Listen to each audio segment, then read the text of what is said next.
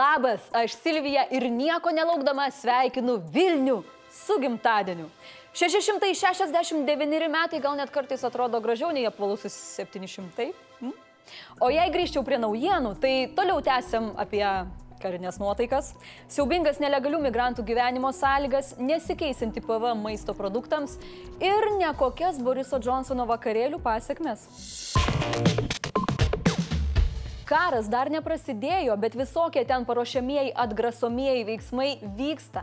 Štai su Europos šalių lyderiais kalbėjęs Joe Bidenas paskelbė, kad vakarų valstybės yra visiškai vieningos Rusijos agresijos atžvilgių. Kaip sakė, very, very, very Vokietijos kancleris Olafas Šolcas nurodė, kad Rusija turi užsimti situacijos deeskalavimu, o NATO generalinis sekretorius perspėjo, kad Maskva turėtų brangiai sumokėti už bet kokią tolesnę agresiją prieš Ukrainą. Tolesnė ją vadina todėl, kad 2014 Putinas jau siuntė savo kariškius paatostogauti į Ukrainos teritoriją ir okupavo Krymą ir Donbaso regioną. JAV paskelbė padidintą 8,5 tūkstančių karių parinkti.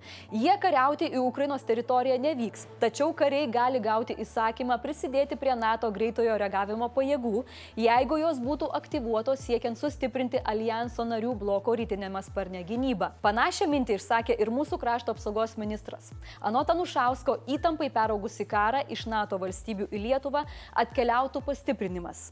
Šioms pajėgoms nurodyta būti pasiruošusioms išvykti per penkias dienas, jeigu būtų duotas įsakymas jas perkelti. Tačiau ruošiasi ir Rusija. Jos vakarų karinėje apygardoje paskelbtas planinis kompleksinis kovinės parengties patikrinimas. Pagrindinis tikslas - karinių dalinių pasiruošimas per trumpą laiką atlikti iškeltas užduotis, įvertinti parengties lygį ir sąveiką. Taip pat Rusijos kariškiai pranešė šalies pietuose netoli Ukrainos ir aneksuotame Kryme pradėję pratybas. Pranešama, kad juose dalyvauja apie 6000 karių ir mažiausiai 60 naikintuvų. Na, o ta proga, kad neramumai tęsiasi, prezidento patarėjas Kaisgrytė sakė, nemananti, kad diplomatai turi būti pirmieji paliekantis Ukrainos teritoriją. Jie kaip tik turi dirbti priešakinėse fronto linijose iki tol, kol tai įmanoma. Tačiau paprasti žmonės ne diplomatai, todėl jiems patarėja rekomendavo susilaikyti nuo artimiausių kelionių į Ukrainą. Ką į tai Ukraina? prašo ramybės ir nedaryti skubotų išvadų. Nacionalinės saugumo tarybos sekretorius Oleksijus Danilovas teigia, kad šiandien nemato jokio pagrindo teiginiui apie plataus masto polimą prieš savo šalį.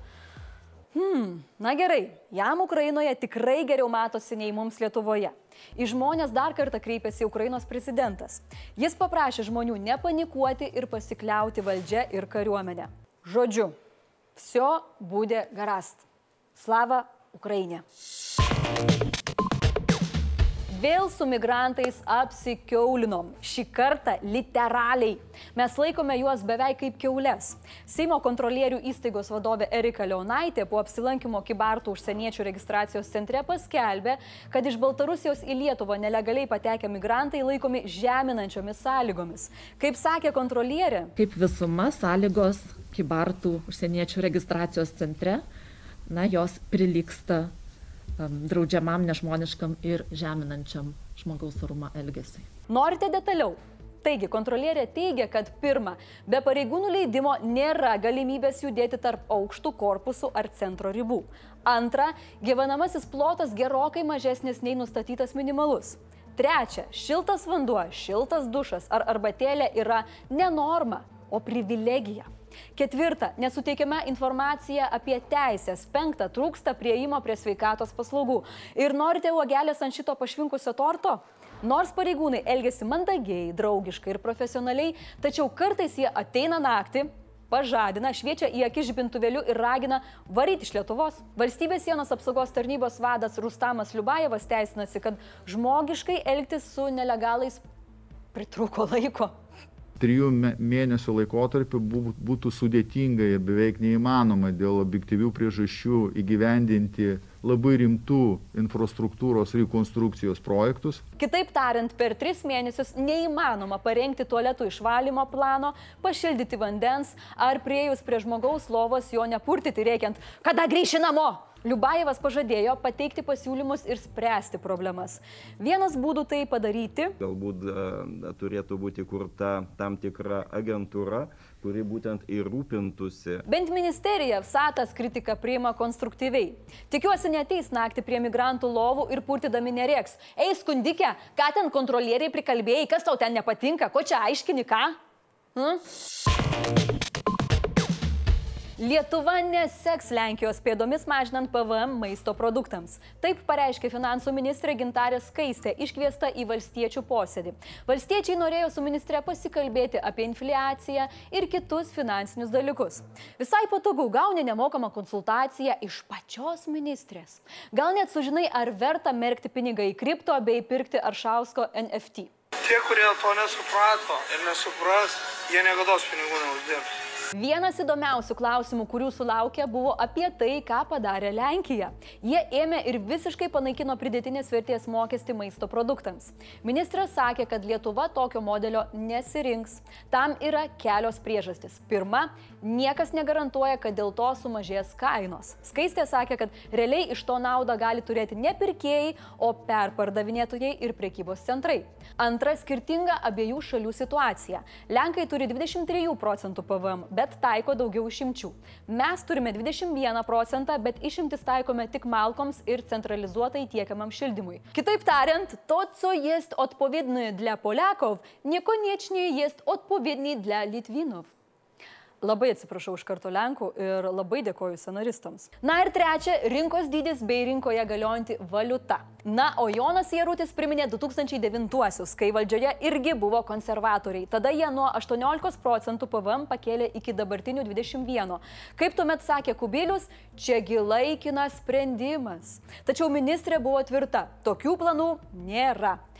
Kaip dar sakė Skaistė, šios valdžios tikslas - didinti pajamas. Būtent tai yra ginklas kovoje su kylančiomis kainomis ir infliacija. Taigi, tvirtinant biudžetą buvo pakeltos pensijos ir viešojo sektoriaus darbuotojų atlyginimai.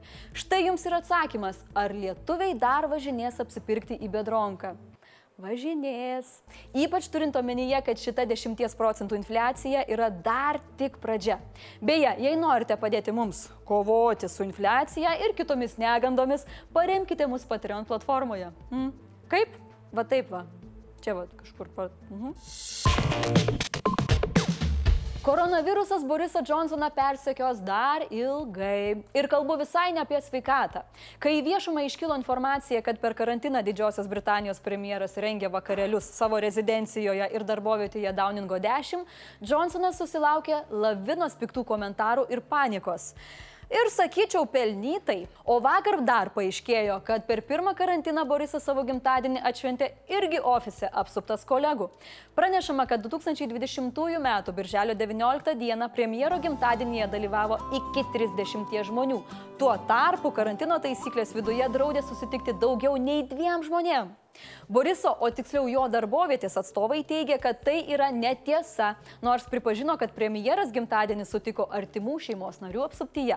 Ta proga šiandien buvo pranešta, kad tirti visų šių Boriso nuotikių ėmėsi Londono policija. Pradėtas tyrimas dėl galimų karantino taisyklių pažeidimo. Anot atstovės tyrimas nebus komentuojamas pastoviai, tačiau bus informuojama įvykus svarbiems pokyčiams. Johnsonas žada bendradarbiauti su tyrėjais, nes mano, jog policija yra visiškai teisi nusprendžiama nusprendusi atlikti tyrimą. Londono meras Sadika Hanas tokį tyrimą sveikino ir sakė, kad visuomenė turi teisę tikėtis iš pareigūnų reaguoti į pažeidimus, nepriklausomai nuo to, kas yra pažeidėjas. Hano teigimu, valdžiai ir visiems kitiems turi būti taikomos tos pačios taisyklės. Ir visai aš pritariu. Mūsų premjerės galima kaukės nusėmimą irgi tirs pareigūnai.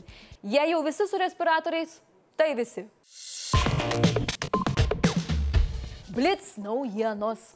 Belaruskaliai pareiškė reikalausinti atlyginti nuostolius dėl Lietuvos geležinkelių nutrauktos sutarties. Lietuvos geležinkelių grupė nuo vasario pirmosios nutraukė sutartį su į JAV sankcijų sąrašus įtraukta viena didžiausių pasaulyje kalio trašų gamintojų ir eksportuotojų. Vilniaus apskrities policija pranešė pradėjusi 10 administracinių teisenų per sausio 13-osios minėjimą protestavusių asmenų atžvilgių.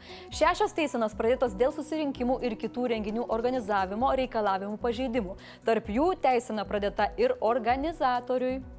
Dėl vaidmens protestuose prieš Lukašenkos režimą teisiamas opozicijos tiklaraštininkas Romanas Protasevičius pareiškė išeinantis iš namų arešto ir pradėsintis bendradarbiauti su viena provyriausybinė organizacija. Jis sakė, kad pagrindinis ir svarbiausias planas artimiausiam laikotarpiui - darbas sistemnoje pravabarona. JAV prezidentas Joe Bidenas per vykusi spaudos renginį Baltuosiuose rūmuose buvo nugirstas įžeidžiamai atsiliepiantis apie Fox News žurnalistą.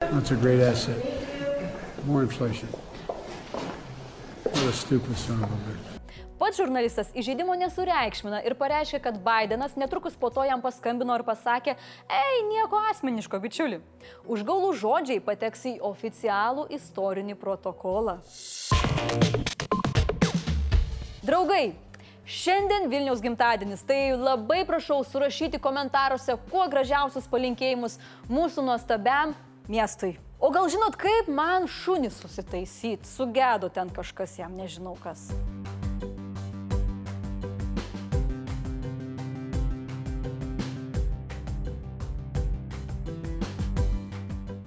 Ačiū, kad žiūrėjot. Rytoj su jumis sveikinsis mano nuostabiausias kolega Timūras. Tiek žinių. Atsiprašau dar kartelį gerai.